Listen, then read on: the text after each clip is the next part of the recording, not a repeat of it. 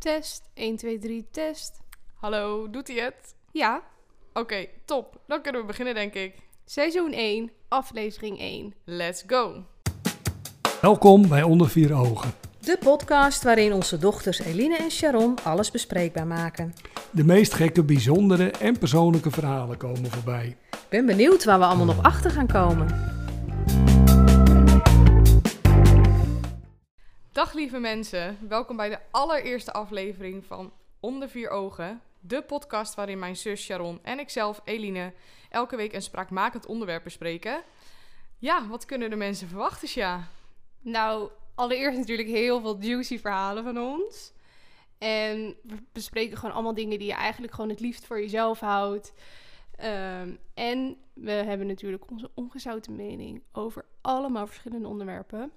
Inderdaad, we gaan een boekje open doen over de dingen die wij meemaken in het leven en hebben meegemaakt.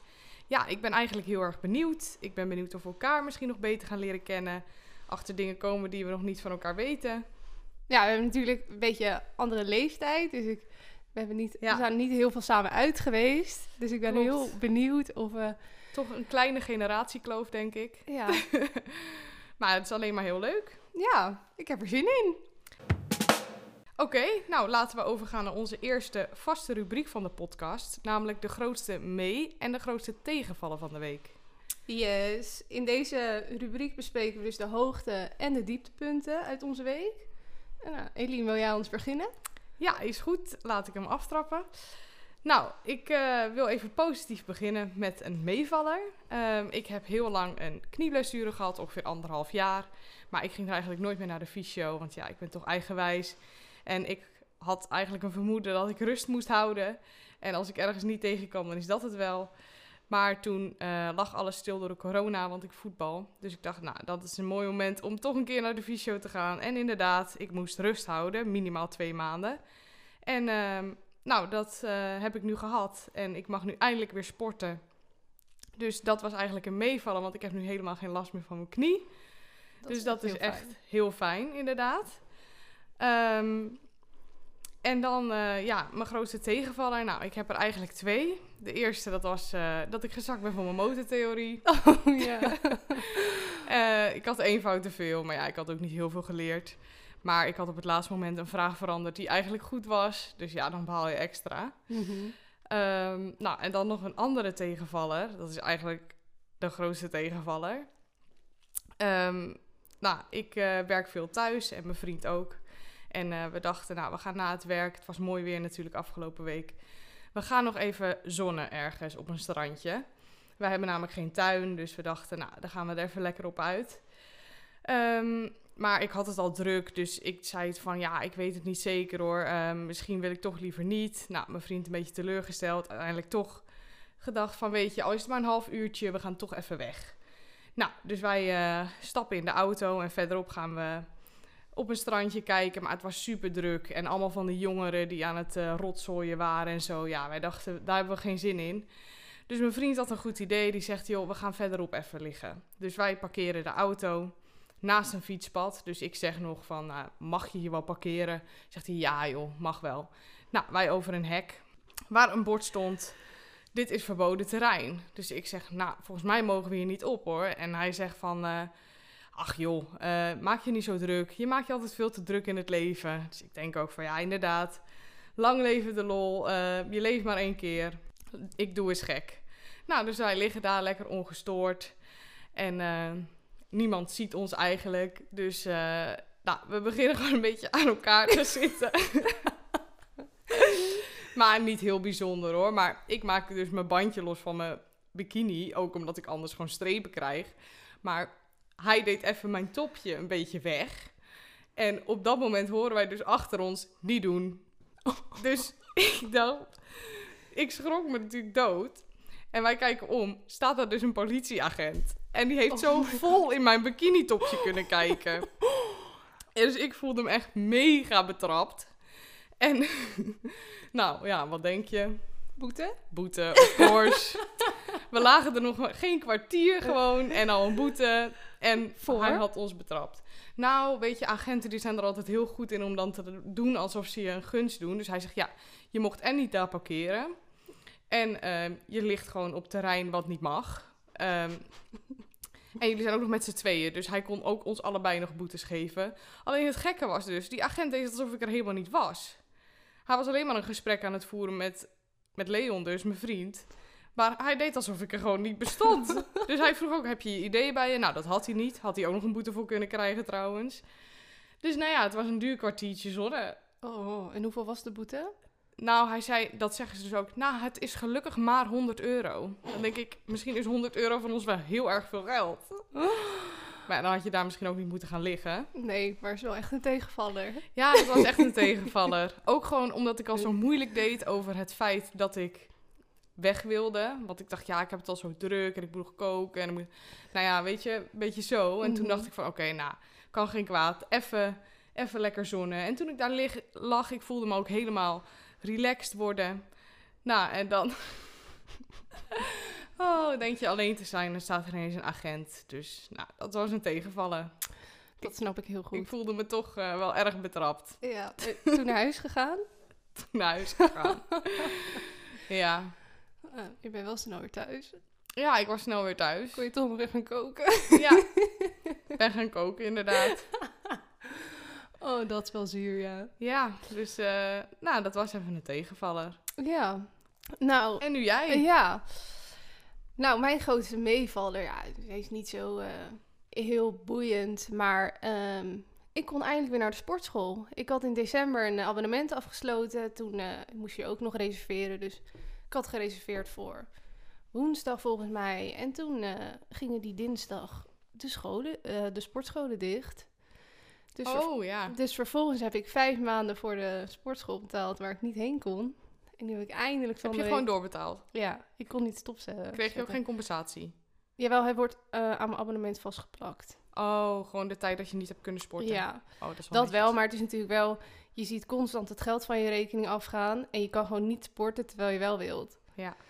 Dus ik kon eindelijk sporten. Dus ik heb er gebruik van gemaakt. Lekker drie keer deze week gesport. Dus eh, Lekker. dat was heel fijn. En toen... ehm, ja, mijn grootste tegenvaller. Ik, eh, ja, ik was heerlijk ook een dagje naar het strand geweest. En eh, nou, ik was met mijn vrienden. En we gingen van Zandvoort naar Castricum, want daar woont mijn vriend. En eh, ja, ik moest nog even snel thuis mijn spullen pakken, dus dat deed ik snel. Toen eh, in de auto. En ehm, in de auto dacht ik, shit, ik ben al mijn ondergoed vergeten. Ik had geen sokken, geen onderbroek, geen BH, echt niks. Alleen mijn sportkleren had ik meegenomen. Dus nou, eh, ja, ik kwam van het strand, dus ik moest wel gelijk douchen. Dus ik had daarna heel mooi de boxer van mijn vriend aangetrokken. maar de volgende dag, ik had mijn sportkleren mee. En dat is echt zo'n strakke legging. Dus ik dacht, ja, wat ga ik doen? Ga ik die boxer aandoen? En dat je dus al die randjes ziet? Of niks? Nou, wat heb ik gekozen? Ik, ik zou niks doen. Ik heb inderdaad niks gedaan. ja. ik zat in de trein en dan denk je toch, ja, ja, straks kan iedereen dit zien dat ik niks aan heb. Dus ik voelde me wel heel ongemakkelijk. Maar ja, ik weet niet hoe het met jou zit, maar ik draag gewoon altijd ondergoed. Jij? Ja, ik ook. Ja, ik weet dus ook wel mensen die dat niet doen.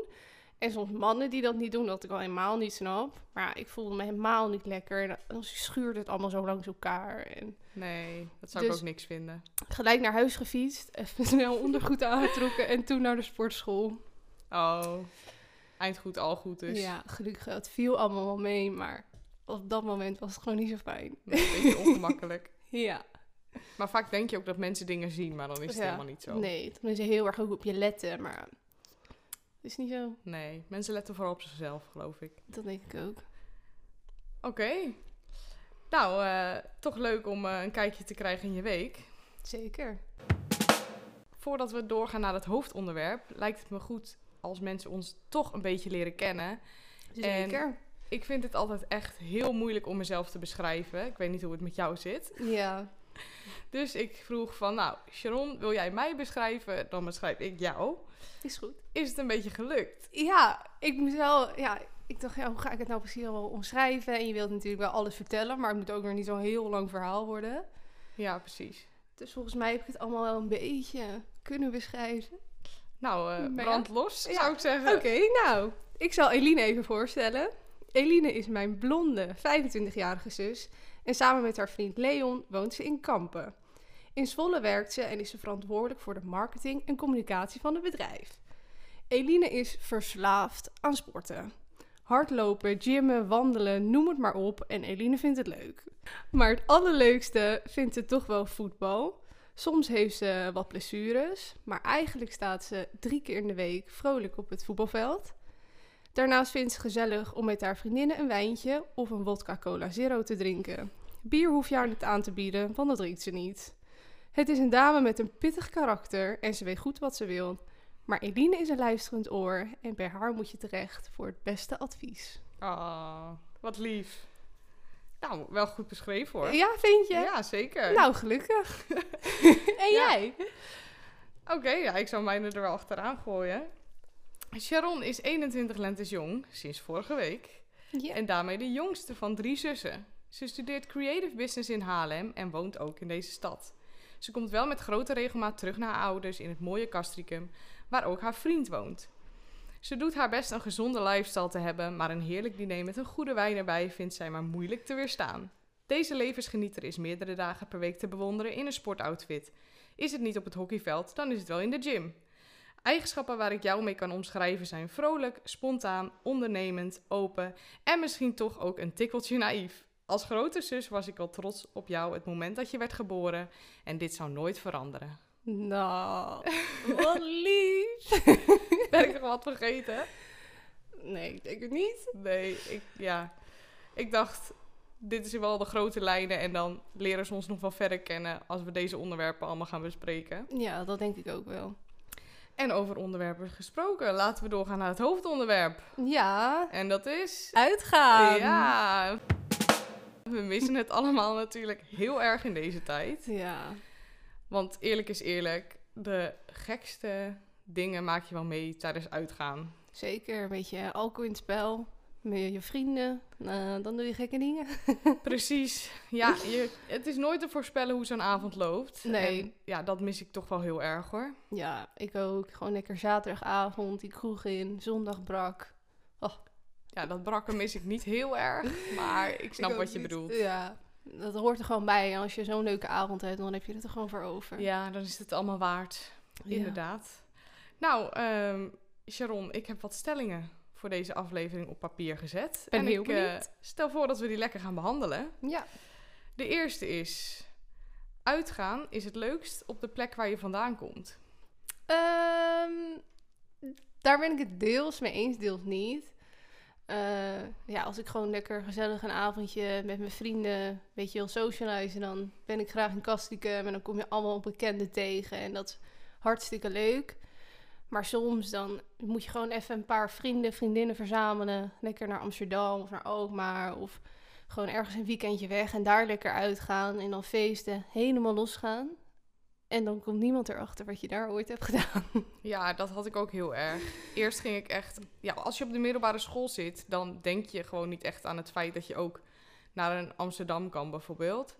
Maar ik merkte toch dat als ik bijvoorbeeld met iemand had gezoend, dan wisten superveel mensen het gelijk. Ja. En dan ging het gelijk het hele dorp rond. Ja, daar was ik na een tijdje wel echt heel erg klaar mee. Maar nu denk ik wel van ja, het is wel gezellig om weer eventjes naar de kroeg te gaan en de mensen weer te zien. Alleen als je naar Castricum gaat, weet je ongeveer precies wie je gaat tegenkomen. Ja, dat wel. Dat is eh, ja, het wel een beetje het mindere aan een dorp. Dat Ja. altijd dezelfde mensen uitgaan. En je weet ook precies naar welke kroeg ze gaan. Ja, klopt. En ik heb ook het idee dat als je bijvoorbeeld naar Amsterdam gaat, dan denkt iedereen van oké, nu gaan we echt even een feestje bouwen. En in een dorp is het toch vaak van ja, gewoon lekker lallen in de kroeg. En eh, Ja, het sluit ook om twee uur of half drie of zo, hè? Het is echt belachelijk ja vroeg. klopt. Bij ons eh, in Kassikum wel. Ja, Ben je net een beetje er, erin en dan gaat het alweer dicht. ja, je was er eigenlijk net. Maar toch, wij wonen nog best ver van het dorp. Ja, Echt nou, 20, 25 minuten fietsen of zo. ja zoiets. En wij gingen gewoon dan om eh, half één gingen we voor een uurtje op de fiets naar de kroeg. Ja, klopt. Maar je gaat natuurlijk wel eerst voorzitten met wat vrienden. Ja, dat is nog altijd het leukst van de avond, vond ik. Ja, ik Gewoon ook. dat indrinken. Een beetje spelletjes doen en eh, Ja, gezellig kletsen. En dan naar de kroeg en dan kom je weer veel meer mensen tegen. En daar ga je dan lekker mee kletsen. En dan Tenminste, ja, precies. bij mij is het altijd een beetje zo... Dan spreek ik de mensen met wie ik ging voordrinken weinig. Ja, precies.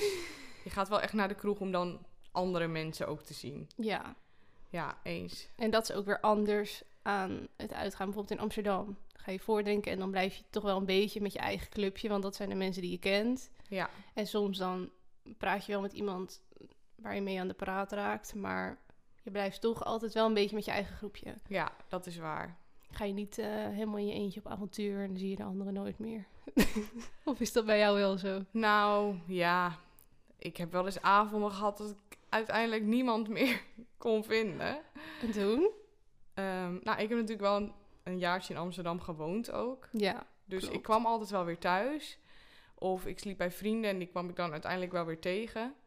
Maar ik heb wel eens avonden gehad dat ik ineens alleen in de kroeg stond. Of dat ik ook gewoon klaar was met een kroeg waar de rest was. En dan ging ik gewoon zelf weg. Helemaal in je eentje. Ja, Maar ging je dan naar huis of ging je naar een andere kroeg? naar een andere kroeg. Nee, zou ik nooit doen. nou, dat dacht ik ook. Maar ik vond het hartstikke gezellig. En, en dan? Dan kom je een kroeg in en hoe Nou, begin heb- je dan? Ja, ik heb wel het idee dat als je dus alleen als dame in een kroeg staat... dat je heel snel aanspraak krijgt. Jij bent ook blond. Blond in Amsterdam en mooie dame. Nou, dan snap ik dat ook wel. Ik heb wel het idee dat in Amsterdam heel veel mooie dames lopen. Dus Ja, dat ook wel En ook heel veel zo. blonden. Dus dat maakt denk ik niet uit. Maar het is denk ik ook meer de houding die je aanneemt. Ja, ook. Al durf ik niet meer te zeggen wat voor houding ik had in de staat waarvan ik was.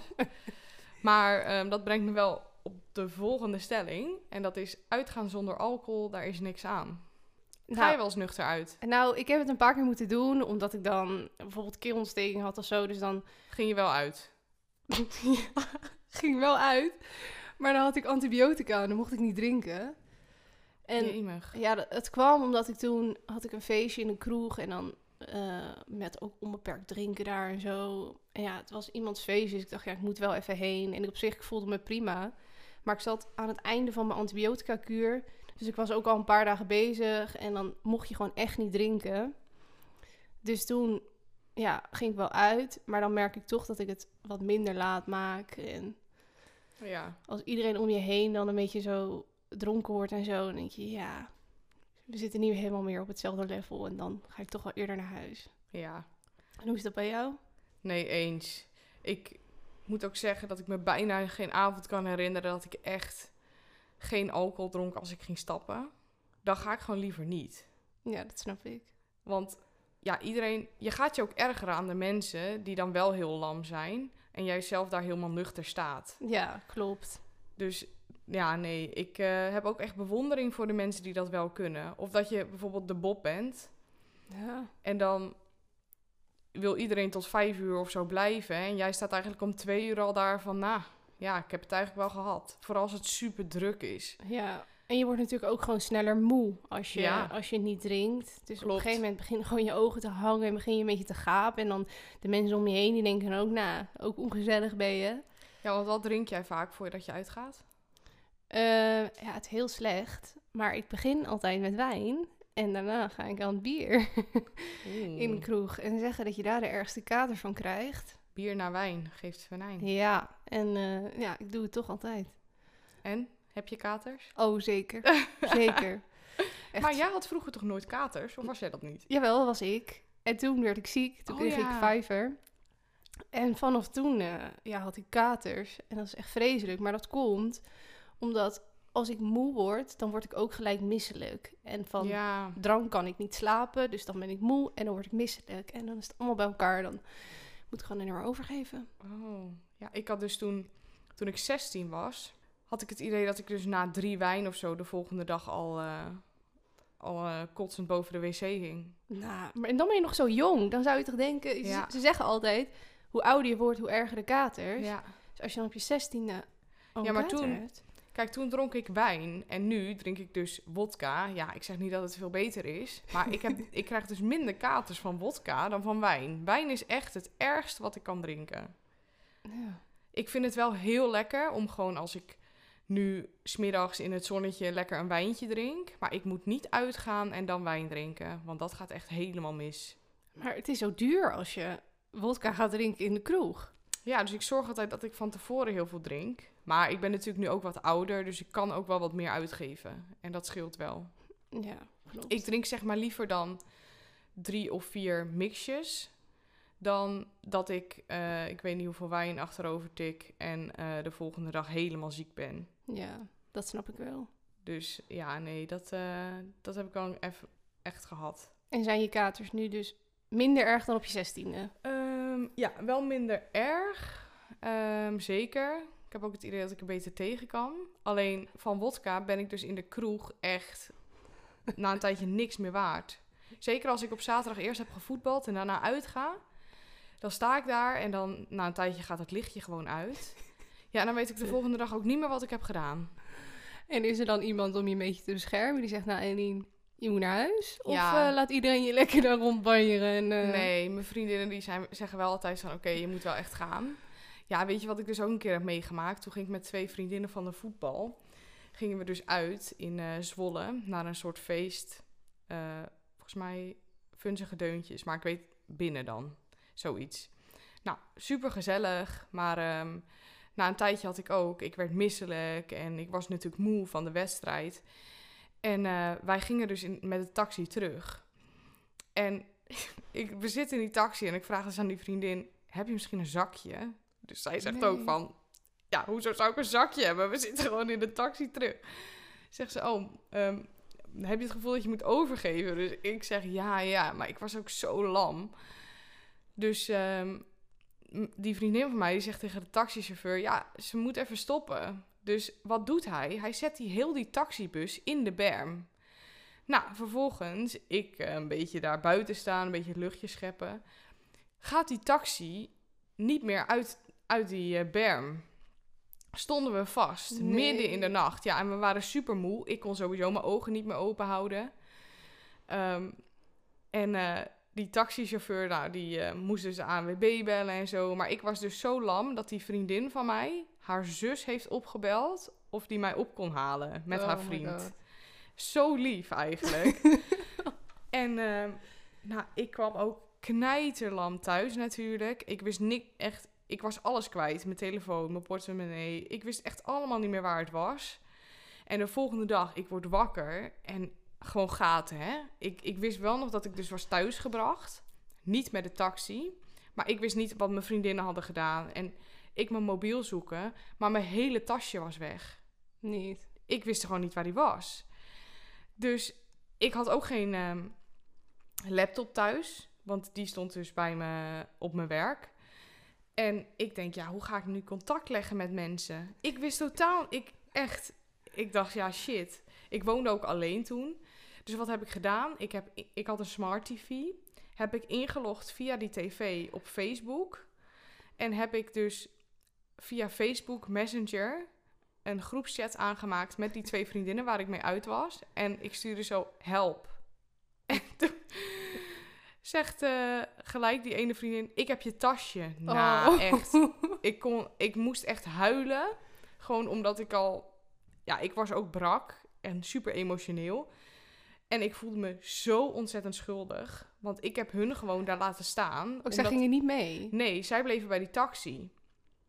Zij moesten ook... Dus zij hebben daar echt nog... Ik weet niet hoe lang gestaan. Oh. Eentje is zelfs nog achter het stuur gekropen om te proberen of zij die taxi wel ehm, uit die berm kreeg. Terwijl ze dus super dronken was. Dat die taxichauffeur dat gewoon toeliet. Ja, echt. Nou ja, die dacht ook van eh, misschien lukt het. Maar ja, er was er echt niks meer aan te doen.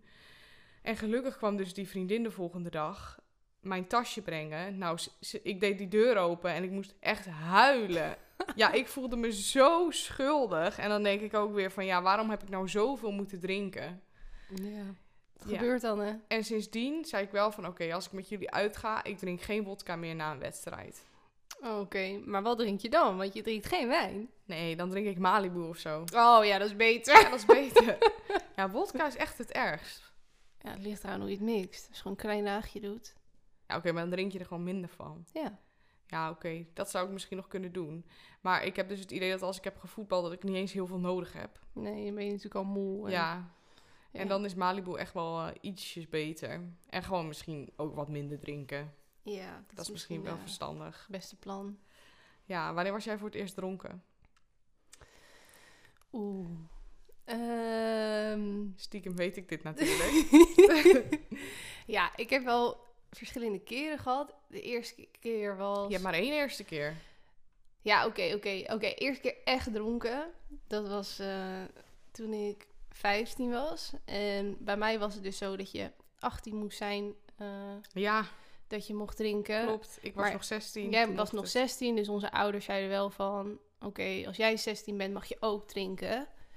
Maar ik kon het nog niet kopen zelf. Kijk, ik kon Nee. alleen bier en wijn halen. Dus daar begin je automatisch mee als je 16 bent. Ja. Nou, bij mij was het dus anders. En ik ging wel naar feestjes waar eh, die ouders dan soms wijn of bier haalden. Dus dat dronken we dan. Maar op een gegeven moment was er een feestje. En ehm, daar zeiden die ouders van tevoren: Oké, je mag hier echt niet drinken. Maar ik was jong en ik dacht: Ja, ik wil dus wel drinken. Dus wij hadden één fles Bacardi Ras gekocht en één fles cola. We dachten, nou, dat is wel perfect om te mixen. Is wel genoeg. Dus we waren denk ik volgens mij met eh, drie meiden in totaal. Dus ik en nog twee vriendinnen. En ehm, nou, we hadden allemaal ongeveer één rondje gehad. Dus eh Bacardi Ras met cola. En toen was eigenlijk die cola op.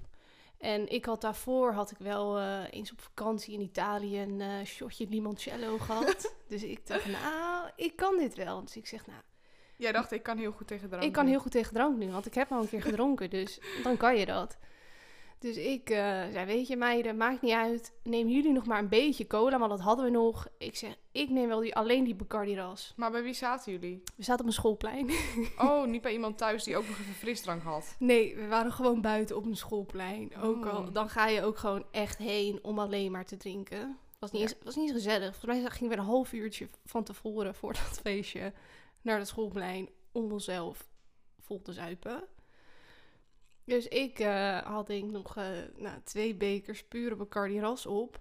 Jemig. En toen was het tijd. Dus we zeiden, nou, we gaan maar. En hij, die jongen van dat feestje woonde echt vijf minuten van, die, van het schoolplein af. Dus wij kwamen daar aan en die moeder deed de deur open. En toen dacht ik al, oh, nou, het begint nu toch wel een beetje te voelen.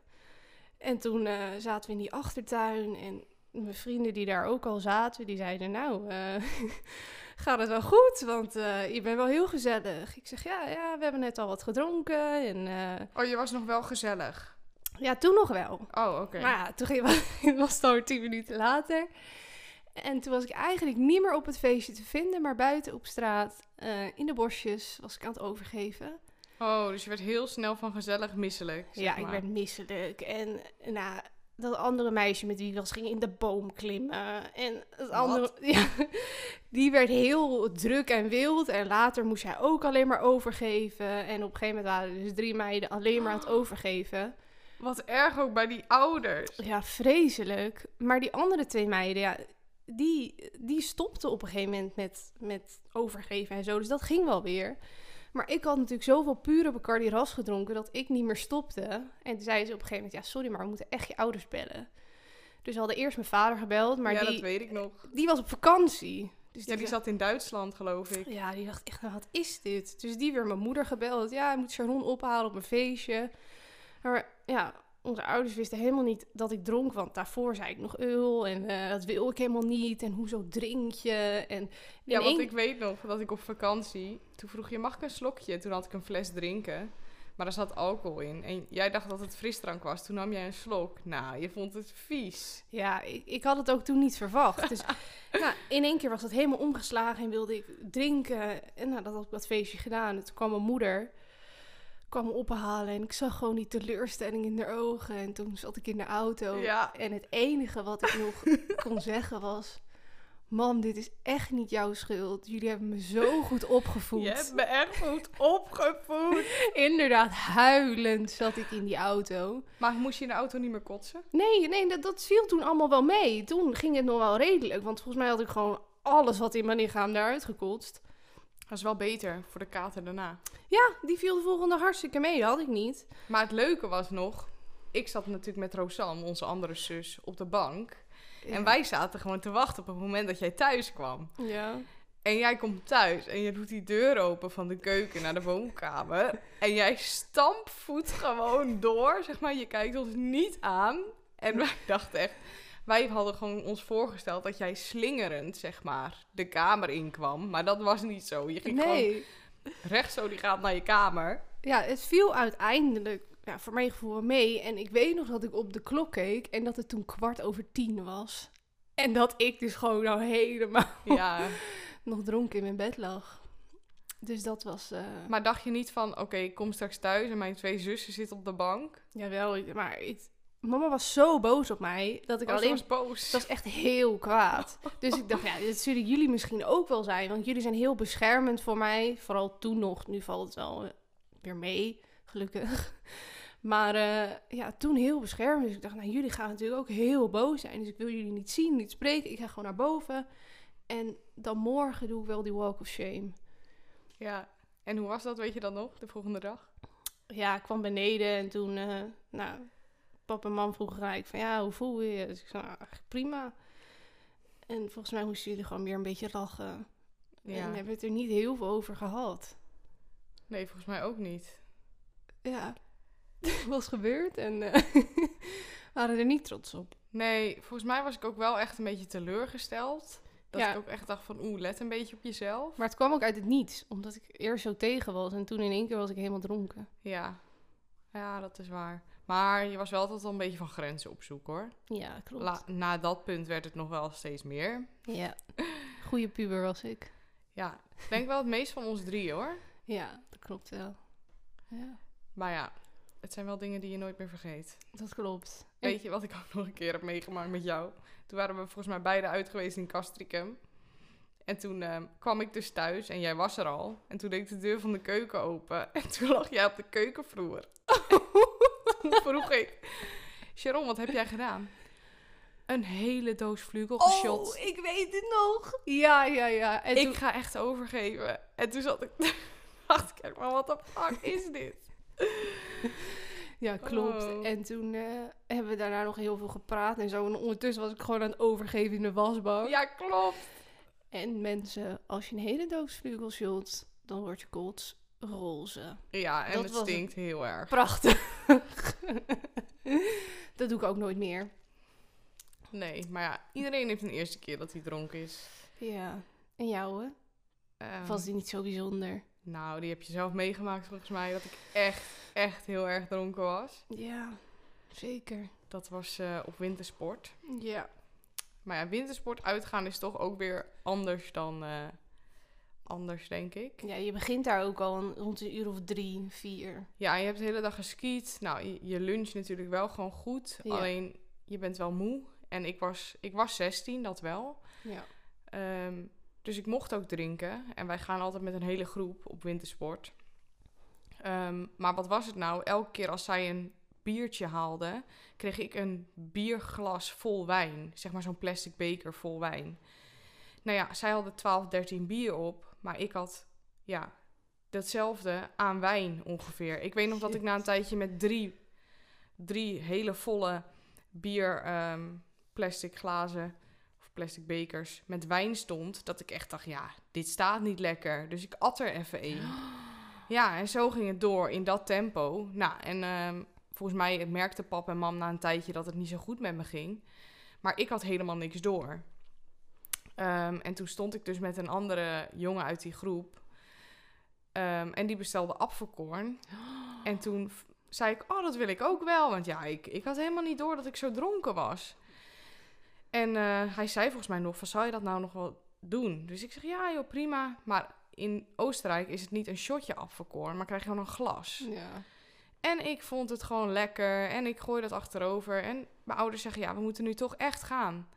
Want die zagen ook, het gaat niet goed. Dus ik doe die deur van die, van die eh apres-ski tent doe ik open en ik stap naar buiten. Nou, dan krijg je natuurlijk die kou-warmteklap. Ja, oh. En ik stap naar buiten en het was gedaan. ik, ik, ik kan me het ook bijna niet meer herinneren. Het enige wat ik dus de hele tijd toen zei was... Gelukkig heb ik nog wel mijn telefoon. Dat heb ik volgens mij de hele tijd gezegd. Nou, en toen kwam ik thuis en ik was 16, dus dan was jij 11. Ja.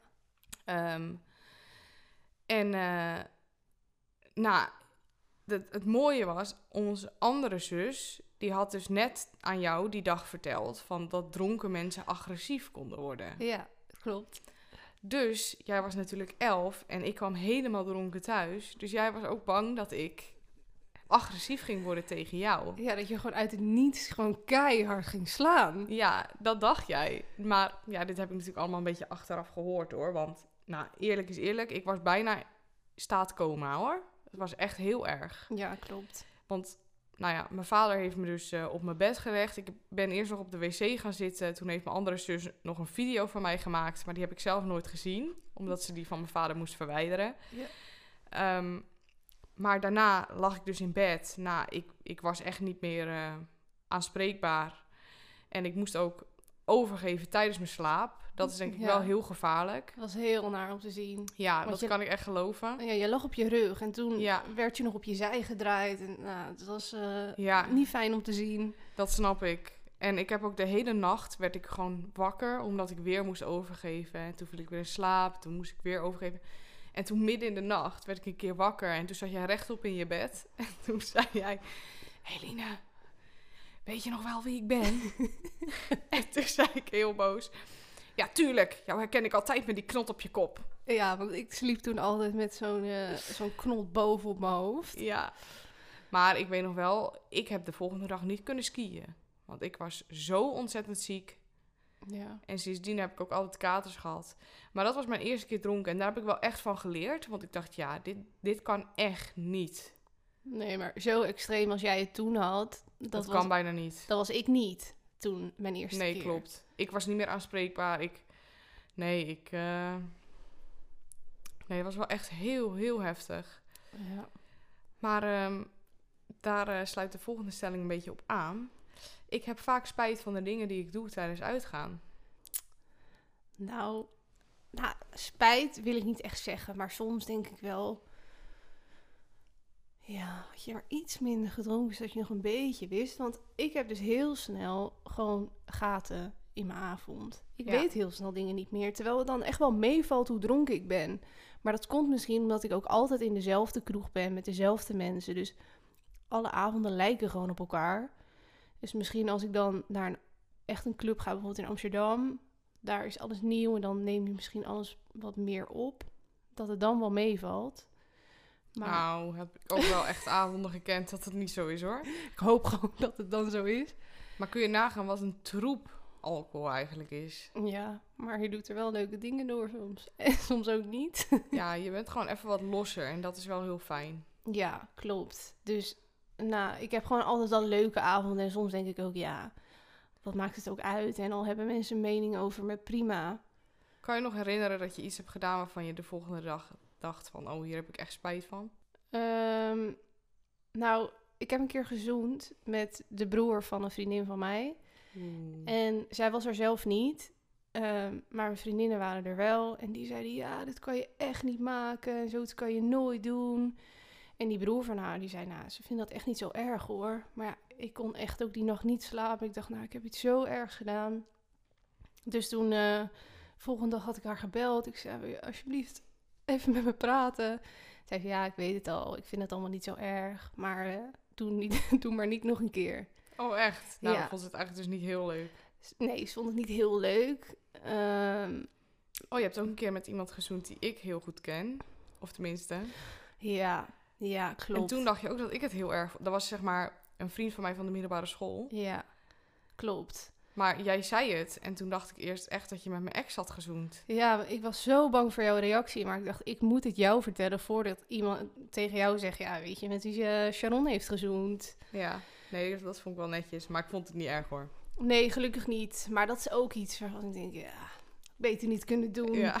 Was- ja, was, was allemaal geen succes. Maar ik was, eh, volgens mij was ik toen echt 16, 17 en toen ging ik gewoon los. Was hartstikke leuk toen. Ja, je ging wel echt los, ja. Ja, Dat weet ik nog wel. Want ik ben natuurlijk de oudste. Dus ik dacht altijd van, nou, ik heb wel de grens vrij ver weten op te rekken. Want ik moest natuurlijk de grenzen leggen ergens. Een ja. beetje de grens opzoeken. Eh, en ik dacht van, nou, dat heb ik wel goed gedaan voor die meiden. En Rosanne, die is ook nooit verder gegaan dan ik of zo. Nee. En Nou, jij eh, kwam gewoon zeven uur 's ochtends thuis terwijl de kroeg om half drie dicht gingen. Ja, klopt. Ik ging altijd nog naar afters daarna. En eh, nou, het probleem was ook een, voor mij dan het probleem. Was dat mijn ouders zeiden van ja, je moet zo laat thuis zijn. En dat ik dacht, ja, nee. Want uiteindelijk zei ik ook, ja, wat is nou beter als ik om drie, vier uur s'nachts. We hebben hier best wel een weg met heel veel bomen waar niemand fietst, waar Ja, ik dan langs klopt. moet. Dat ik daar om drie, vier uur s'nachts helemaal in mijn eentje fiets. Of om zeven of acht uur 's ochtends, wanneer het gewoon lekker licht is. Nou, dat vonden mijn ouders een beetje overdreven en ik niet. Dus daar waren we het gewoon nooit over eens. Maar je deed gewoon lekker je eigen ding. Ik deed zeker mijn eigen ding. En dan was het altijd... Ik ging weer uit. Ik kwam zeker weer om zeven uur thuis. En dan kreeg ik weer twee weken huisarrest. En dan ging ik weer uit. En dan gebeurde het allemaal weer opnieuw. En zo ging het de tijd door. Oh, je hebt wel huisarrest gehad. Zeker, vaak twee weken. Maar dat was dan alleen voor het weekend. En dan mocht ik bijvoorbeeld wel in het weekend eh, naar een vriendin, bijvoorbeeld in Alkmaar. Want ik kon daar gewoon nog niet uit, want ik was echt te jong. En was ik gewoon met haar ouders en zo. En dat mocht ik dan wel. Maar ik mocht niet naar mijn vrienden drinken en uitgaan. Oké. Dus ja, was niet zo leuk. Maar ook een beetje mijn eigen schuld. En, uiteindelijk zijn we er wel een beetje uitgekomen omdat ik toen wat ouder werd. En gewoon wel dingen besproken. En toen... Maar heb je er spijt van? Had je er spijt van? Nee, zeker Nee, niet. dat Nee, ik vond, ik al. vond het hartstikke leuk. En eh, ja, ik zou het niet anders doen. Als ik, nu, als ik nu weer die leeftijd was, zou ik het niet anders doen. Nou, ik heb dus wel een paar keer ruzie gehad in de kroeg met meiden. En Ja. daar was ik nooit zo heel trots op als dat weer was gebeurd. Want dat kwam echt bij mij door de alcohol. Want ik ben echt helemaal niet agressief. Nee, klopt. Maar als mensen het dan uitlokken en ik heb wat gedronken, Ja. ja, dan, dan ga ik daar gewoon op in. En dat zijn dan, niet, dat zijn dan vaak niet de ehm, meest chique meiden. Nee. En ik dan op dat moment blijkbaar ook niet. Maar eh, ja, ik kan dan wel echt boos worden. En sowieso, als ik iets niet eerlijk vind, dan zijn bij mij echt alle poppen aan het dansen. Want dan eh, wil ik me gelijk. En eh, nou ja, dat staat me nog wel eens tegen. Ja, je, je bent een pittige tante, ook zonder eh, alcohol. Maar dan ben je ook nog wel redelijk. Ja, klopt. En als je wel hebt gedronken, dan denk je, nee, ik heb gelijk. En zo gaan we het doen. En dan, eh, ja, ze hebben die meiden het in jouw ogen allemaal gedaan. En dan is het niet goed. Nou, ik heb wel eens gewoon, dan sta ik in de kroeg en dan is iemand mij echt onwijs arrogant aan het aankijken. En heb ik diegene niet eens iets aangedaan. Ja. Ja, en dan op dat moment maak ik misschien een beetje een onverstandige keuze. Dus ik heb iemand bijvoorbeeld wel een keer een por in de rug gegeven. Nou, die was het er niet mee eens. Dus toen kreeg ik een tik op mijn neus. Oh. Ja. Maar toen was ik dus met Rosanne, onze andere zus. En die kwam er toen heel snel tussen. ja, dat was eh, niet zo heel slim. Maar wat ik dan wel weer heel goed vind, en dat komt ook door de alcohol, is dat ik daarna naar haar toe ben gegaan. Want het rare was, we waren ook al samen aan het indrinken. Alleen ik stond de hele tijd buiten en zij was binnen. Dus ik had haar helemaal niet gezien of gesproken. Ik kende haar helemaal niet. Maar ik weet niet wat ik haar had aangedaan. Maar ze kon me niet luchten of zien. En Hmm. eh, na een tijdje kreeg ik dat door. Ja, dan stond het mij niet aan. Toen heb ik het zelf dus een beetje uitgelokt. Nou, heb ik ook geweten. Maar ehm, toen heb ik, ben ik daarna wel naar haar toe gegaan van... joh, wat is er? ja, dat- En eh, toen hadden we het nog wel een beetje uitgesproken. Maar verder... ja, nou heb je goed gedaan, Eline. Ja, dat kwam ook door de alcohol. Want normaal zou ik echt denken van ja... Ga, ik hoef jou echt niet meer te zien. Maar Nee, normaal zou je misschien ook wel eerder denken... Laat maar zitten, ik draai me om. ja, precies. En dan- Maar het was gewoon niet chill. Want ergens stonden we ook nog met elkaar in die groep. Ja, Omdat we ook samen heen waren gegaan. ja, klopt. Ik heb ervan geleerd en eh, het is echt heel weinig gebeurd. Ja, nou, dat is het belangrijkste toch? Ja. Dat je ervan leert. Oké, zullen we door naar de volgende stelling? Is goed. Als ik uitga, dan krijg ik graag aandacht van mannen. Ehm, Oké, Eline, ja, ik, ik zal maar beginnen, denk ik weer. Ehm, ja. ja, ik denk misschien wel. Ja, ik vind het ook wel leuk om, eh, om gewoon lekker met mannen te kletsen. Misschien soms een beetje te flirten. En eh, natuurlijk een gratis drankje te krijgen. Ja, daar doe je het voor? Nou, niet per se. Ik ga niet met mannen praten waar ik geen zin in heb. Eh, ja, die me, die me niet interesseren of zo. Maar nou, ik praat ook gewoon met mannen omdat ik het echt gezellig vind. En niet, ik hoef er niet per se wat mee. Gewoon even die flirt. Ja, ook misschien niet per se om te flirten. Misschien vind ik het gewoon soms gezellig dat je met iemand weer even spreekt. En dan maakt het voor mij echt niet uit of dat een man of een vrouw is. Maar eh, Maar leg je ook wel eens contact met vrouwen in de kroeg? ja, Ja, jij bent echt zo. ja Ik niet. En, dan- en, en dan stap ik naar een meisje toe en zeg ik... Oh, het ziet er leuk uit. Of eh, Ja, heb je een leuk jurkje aan. Heel goed dat je dat doet. Nou, ik meen dat dan echt. En dan denk ik, nou, dat vind ik dan gewoon leuk om even tegen haar te zeggen. Want ik weet dat als iemand dat tegen mij zegt, dat ik dat ook leuk vind. Dus Ja. waarom zou ik dat dan niet tegen haar zeggen? Ja, nee, dat is wel echt heel goed. Maar ik, ik vind het natuurlijk leuk om met mannen te flirten. Maar het is niet altijd de reden waarom ik met mannen praat of waarom ik Nee, precies. iemand aanspreek. Want ja, voor de corona was je single en eigenlijk tijdens corona heb jij een relatie gekregen. Of Ja, net voor iets, eigenlijk. Iets ervoor al, ja. In, eh, in januari met Oud en Nieuw hebben we elkaar ontmoet. Oh ja. En ehm, denk je dat je nu anders gaat doen tegen mannen in de kroeg? Ehm, Omdat je dus... eh, Ja, tu- tuurlijk, je let er wat meer op. Dat je, dat je, ja, dat mensen niet uiteindelijk naar hem toestappen van, hé, hey, eh, wat heeft ze gedaan of zo. ja, precies. Dus, dus ik let wel wat meer op. Maar met, wat, zijn, wat is voor jou de grens? ehm, nou, ja, soms, het flirten zit misschien ook wel een beetje in me. Zo ben ik misschien ook wel een beetje.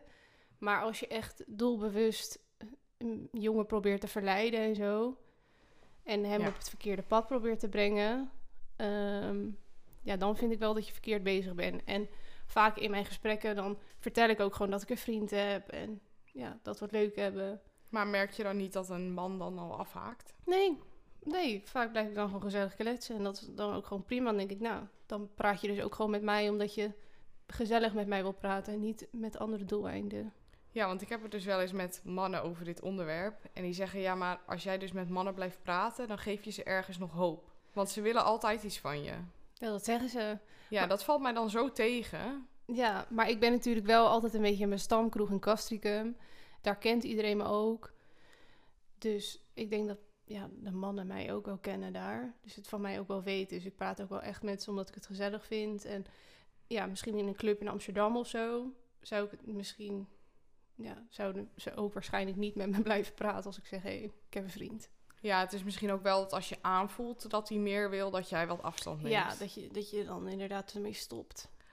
Maar ehm, als je single bent, kan zoenen in de kroeg, ja of nee? Eh, ja, ik vind wel. Je, je gaat uit, iedereen danst en je wordt wat losser van alcohol. Ja, ik vind het prima kunnen. Je hoeft niet de hele avond elkaar af te staan leveren. Dat vind ik wel een beetje vies. Maar ja, ik vind op zich wel dat je met elkaar kan zoenen in de kroeg. Ja, En jij? ja ik eh, heb het vaak genoeg gedaan. En eh, het was wel altijd als ik dus gedronken had. Ik denk niet dat ik het nuchter super snel zou doen. Ik ook niet. Weet je, het, het staat toch een beetje ordinair. Maar het is gewoon vaak genoeg gebeurd. En eh, ja, als ik single ben, dan eh, weet ik van mezelf dat ik dat wel doe. En als iemand anders het doet, denk je dan eul of denk je ook gewoon, prima. Nou, weet je, ik ben daar ook niet mee bezig als ik uitga. Dan ben ik gewoon lekker met mezelf en met mijn vriendinnen. Ja, dat ik. Ehm, ik vind het wel leuk als ik af en toe word aangesproken hoor, door een man. Maar ik vind het, ja, af en toe vind ik het ook eh, wel eens vervelend. Mhm. Ehm, maar ik heb heel erg gemerkt, ik heb hiervoor ook, ehm, voordat ik Leon leerde kennen, ruim drie jaar een relatie gehad. En eigenlijk toen ik uitging, kreeg ik echt veel minder aandacht van mannen of zo. Alsof het op mijn voorhoofd stond dat ik een vriend had. en ja, zelfs zo erg dat, dat vlak voordat het uitging, dat ik dacht van, goh, zou ik nog wel goed in de markt liggen? Oh. Ja, omdat ik dacht, nou, als ik nu uitga, dan heb ik helemaal niet echt die aandacht of zo. Maar toen ik weer vrijgezel was, leek ook alsof dat weer op mijn voorhoofd stond. Want toen kwamen ineens wel heel veel mannen naar me toe. Dus misschien is het ook wel een houding of zo die ik dan aanneem. Ja, misschien wel. Maar denk je dan ook dat je... Ja, je hebt nu dan natuurlijk Leon en jij hebt hem wel ontmoet tijdens corona. Ja. Dus jullie kennen elkaar helemaal niet qua uitgaan en zo. Nee, wij ontmoeten elkaar echt precies, zeg maar, op het moment voor de tweede lockdown in oktober. Ja. En op zich, flirten kan jij ook wel erg goed. En het zit misschien ook wel gewoon een beetje in je. Nou, ik kan het niet zoals jij. Ik heb het idee... Kijk, als jij iemand wil, dan lukt het je. Je gaat ervoor. En ik, ik kijk gewoon wie er op mij afkomt. Maar ik heb wel, nou, ik heb trouwens wel, als ik in de kroeg sta en ik denk van, oké, jou vind ik wel echt aantrekkelijk, dan zorg ik wel dat ik even dat oogcontact krijg. Ja. Ehm, dus ja, ja, ik hou wel van een flirt op zich. En vind je dat dat ook kan in je relatie? Ja, ik, ik ben dan wel heel erg in, in mijn grenzen aangeven. Kijk, ik zou nooit iets doen waarvan ik zelf ook niet leuk, waarvan ik het zelf ook niet leuk zou vinden dat hij het doet. Ja, zo moet je altijd denken, vind ik. Ja, dus weet je, ik zou best vijf of tien minuutjes met iemand kunnen praten. Dan even wel aangeven dat ik een vriend heb. En dan ga ik gewoon weer lekker verder met mijn vriendinnen die avond. Ehm, ik zou niet een uur met iemand staan praten of zo in de kroeg. Nee, ja. Ik vind vooral als je gewoon blijft denken van... ehm, als mijn vriend dit zou doen, zou ik dat dan goed vinden? Is het antwoord ja, nou dan doe je het lekker. Ja. En, en of je er later spijt van gaat hebben. Ja, En, precies. dan, en als, als je denkt, nee, ik ga er geen spijt van hebben en dat kan gewoon makkelijk, dan vind ik dat je dat moet doen. Want dans je altijd als je uitgaat? Ja. Dat vind ik gewoon leuk. En eh, Ja, ik ook. dus ja, ik denk dat als, als je... Maar dans je ook met mannen? Mm, Nou, die ik ken dan. Gewoon mijn vrienden en zo. Ja. Maar ik ga, ik ga niet eh, tegen een man aanstaan of zo. Nee. Die ik niet ken. Of ja, ik heb nu mijn vriend. Dan nee, dan ga ik dat niet doen. Nee. en jij? Nee, ik ook niet hoor. Nee. Nee, sowieso als ik dans, dan is het altijd met mijn vriendinnen. En eh, dat vind ik dan ook gewoon hartstikke leuk. Maar ik hoef niet eh, met een man te dansen, nee. Nou, ik heb ook veel jongensvrienden. Ja, Dus ik ga ook wel met hun uit. Het is dan, ja, vind ik het wel gewoon leuk om dat met hun te doen. En dat, dat kan ook gewoon. Mijn vriend kent hun ook. En die vindt Ja. dat allemaal prima. Dus die weet ook dat daar niks achter zit. ja, dat is wel chill. Ja, ik heb eigenlijk helemaal geen mannelijke vrienden meer. Nee. Altijd was er wel iets, ja, dan vonden ze me toch leuker dan eh, ik had gehoopt. Of ja, gewoon uit elkaar gegroeid, zeg maar. Ja. En het is een beetje gek om nu nog ehm, jongensvrienden te maken, Ja. denk ik. Ja. Als, stel, ik zou nu iemand ontmoeten in de kroeg, waar het dus gewoon super leuk mee klikt. Maar vanuit mij echt puur vriendschappelijk, ga je niet zeggen van, goh, we gaan nog even wat drinken volgende week op een terrasje. Ja, dat is anders. Want mijn vriend zou dat echt niet, eh, niet leuk vinden. En Nee. andersom zou ik dat ook heel raar vinden als hij dus een chick ontmoet in de kroeg. En dan zegt van, nou, ik ga even lekker op het terras zitten hoor, met haar. Ja, is verder niks. Ja, ik ook. Terwijl op de middelbare school, als je dan met iemand in de klas zat en je maakt vrienden met diegene, je bent vrienden met diegene geworden, dan, eh, dan kan het nog wel. Ja. ja, klopt. Ja, het, het is gewoon anders. En het is bij mij ook... ehm, die vriendschappen die zijn allemaal ontstaan voor mijn relatie. Dus dat is ook echt een vriendschap. En dat wordt ook niet meer. Want als ik die jongens leuk had gevonden, of zij mij... en er zou iets van relatie in zitten... dan was dat waarschijnlijk al gebeurd... voordat ik mijn vriend had ontmoet. Dus dat ook een beetje hoe we denken van... ja, dat zit er gewoon niet in. En Ja. dat ja, ik denk ook zo. Maar ik heb dus wel ook gehoord dat mannen zeggen van, mannen kunnen niet bevriend zijn met vrouwen. Ja, dat denken heel veel mensen. Heel veel mensen denken dat. Ja. Maar ik denk dat er dan gewoon echt nul aantrekkingskracht moet zijn ja, vanuit een man. ja, misschien wel. Ja, dat, dat is een onderwerp waar iedereen zo'n andere mening over heeft. Ja, nou, daar kunnen we het later misschien nog een keer over gaan hebben. ja. Dan ehm, de volgende stelling. Als mijn dochter zich later in de kroeg zou gedragen zoals ik nu doe, dan ben ik trots. Nou, ik denk het wel. Ik vind dat ik me niet raar gedraag. Ik heb plezier. En ik denk dat ik dat als moeder belangrijk zou vinden. En als je gewoon dingen doet eh, waar je achter staat, waar je geen spijt van hebt, ja, lekker doen. En jij, Eline? Nou, wellicht dat ik hoop dat ze ooit wat minder zou drinken. Ehm, maar verder, ja, ik heb wel eens dingen gedaan of gezegd waarvan, waar ik later niet zo trots op was. Maar dat zijn wel weer dingen waar je van hebt geleerd. Ja, dat moet, moet jouw kind ook gaan leren. Ja, precies. Dus ja, ik zou, ik zou ook wel trots zijn. Ja.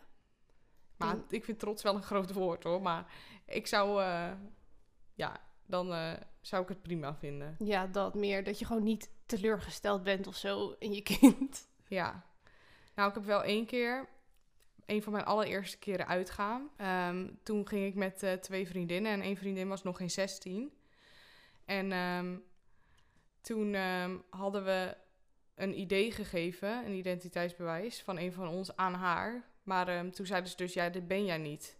En toen zei ze, nee, inderdaad, dit ben ik niet. Ze had het gewoon eerlijk toegegeven.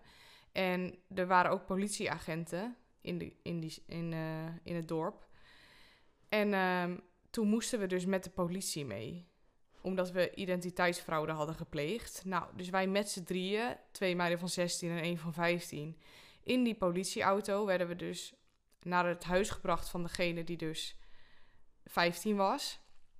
Komen wij daar aan, staan er al twee agenten voor haar huis. Dus wij werden met, met drie meiden, super onschuldig, aan de hand genomen. Allemaal door een persoonlijke agent. Nou, moet je je voorstellen, je dochter gaat voor het eerst uit, komt thuis met de vriendinnen wel en drie agenten. Ja, Wat gaat er door je heen als moeder? Ja, zwaar crimineel. Dan denk je toch, wat heeft die meid gedaan? En dan hoor je vervolgens dat ze heeft proberen binnen te komen met een ander idee. Ja. Nou, sorry hoor. Dan denk ik echt, ga boeven vangen. Oké, het, het, het mag niet. Dat is logisch. Maar je bent gewoon jong en dat soort dingen doe je. Ja. Alleen wij waren zo geschrokken. Want wij gingen natuurlijk voor het eerst uit. En de vol ze zou eigenlijk bij mij slapen, die vriendin. Dus de volgende dag, ik kom eh, beneden bij mijn moeder. En die zegt, huh, eh, is eh, je vriendin er niet? Nou, en op dat moment barst ik in huilen uit. Want ik dacht Oh. natuurlijk ook dat ik echt iets heel ergs had gedaan. En eh, nou, ik het hele verhaal verteld van de politieagenten. En nou ja, mijn moeder die troostte me wel een beetje. Ze moet natuurlijk vanuit moeder zijnde wel zeggen van... joh, het is niet slim. Maar het werd wel allemaal zwaar overdreven. Zij heeft ook echt nog op bureau Halt gezeten hiervoor. Want ze vonden het een zwaar misdrijf. Ja, omdat die- je toch identiteitsfraude pleegt. Die vriendin. Ja, die vriendin. Ja. Die heeft ook met haar vader nog op halt gezeten, zeg maar. Ja. En ja, nu ook, we hebben het er nog wel eens over, omdat het gewoon zo zwaar overdreven werd. Als je echt zo jong bent en gewoon, dan denk je ook echt van, wow, ik heb echt iets ergs gedaan. Ja, vooral drie politieagenten. Dat is Ja. echt niet nodig, want jullie werkten gewoon mee en Het was echt, we werden nog net niet in de boeien geslagen. Ja, ja. Oh. En in het dorp, hoe keek iedereen je aan? ehm, ja, je werd gewoon na- nagekeken, maar ik heb er daarna eigenlijk niks meer over gehoord van mensen die zeiden, joh, ik heb gezien dat je met een politieauto eh Oh, dat is wel moest. beter. Anders moest je tegen iedereen gaan vertellen wat er nou echt is gebeurd. Ja, klopt. Nee, we zijn daar nog wel vrij goed vanaf gekomen. Ja, wel beter. Ja, maar wel echt heel, heel, heel, heel erg balen. Want we hadden echt zin om uit te gaan. Ja, vooral als je eerste keer dit. is, dan ben je misschien al een beetje eh, in eh, spanning. Ja, maar ja, dat, ehm, daar leer je ook weer van. Ja, is ook weer zo. Nou, laatste stelling doen. Is goed? Na het uitgaan ben ik vaak nog in voor een after. Oh, zeker weten. Maar dat komt ook omdat hier in het dorp, ja, gaat het tot twee, half drie door. Ja. Ja, ik wil nogal door dan. Maar als ik bijvoorbeeld tot vijf uur 's ochtends uit zou gaan, dan vind ik het wel prima voor mijn bedje. En het ligt ook, soms dan, dan drink je en dan voel je gewoon, nou, ik blijf gewoon op hetzelfde niveau. Het, het wordt niet zo'n spannende avond. Mhm. En soms drink je en denk je, oh, dit is echt lekker. En dan word je Dat is het lekkerste gevoel na twee, drie drankjes. Dat je echt denkt Ja. van, oh ja, ik heb echt zin om uit te gaan nu. Ja, en dan kan ik het wel laat maken, maar soms... Ja, ik heb vaak, als ik dan vrijdag drink en dan zaterdag weer, dat het zaterdag niks wordt. Omdat ik dan de dag ervoor al genoeg heb gedronken. Dus ja, dan zou ik vroeg naar huis gaan, maar ja, ik vind het wel leuk om... Dus als de avond leuk is, dan wil je het graag nog verlengen met een after. Ja, maar het ligt ook eraan of ik eh, of de kroeg om vijf uur sluit en ik blijf tot het einde. Ja, dan vind ik het vaak wel genoeg. Maar heb je dan niet vaak dat je op die after zit en dat je eigenlijk denkt van ja, dit had net zo leuk moeten zijn als het feestje in de kroeg, maar dat is het niet. Ja, dat is wel zo. En Gewoon, het is gewoon nog een reden dat je veel meer gaat drinken. Nou, dat valt altijd wel mee. Ik heb dus vaak op afters, misschien zijn mijn afters ook niet zo spannend, ehm, dat ik dan lekker water ga drinken en dan kom ik best wel een beetje fit, fit thuis. Lekker En, en dan denk ik, ja, dit was ook wel weer leuk. Maar ik blijf, ik blijf niet uren. Ik blijf meestal vaak een uurtje of zo, dan ga ik lekker naar huis. Ja. Ja, oké. Ja, ik, eh, ik niet hoor. Ik, Nooit eh, ben- gedaan ook. Nee, ik ben echt niet van de afters. Ik vind het, ik heb dan een superleuke avond gehad. En dan zit ik vervolgens op die after. Ik heb het wel eens namelijk gedaan, maar het was meer naar een festival.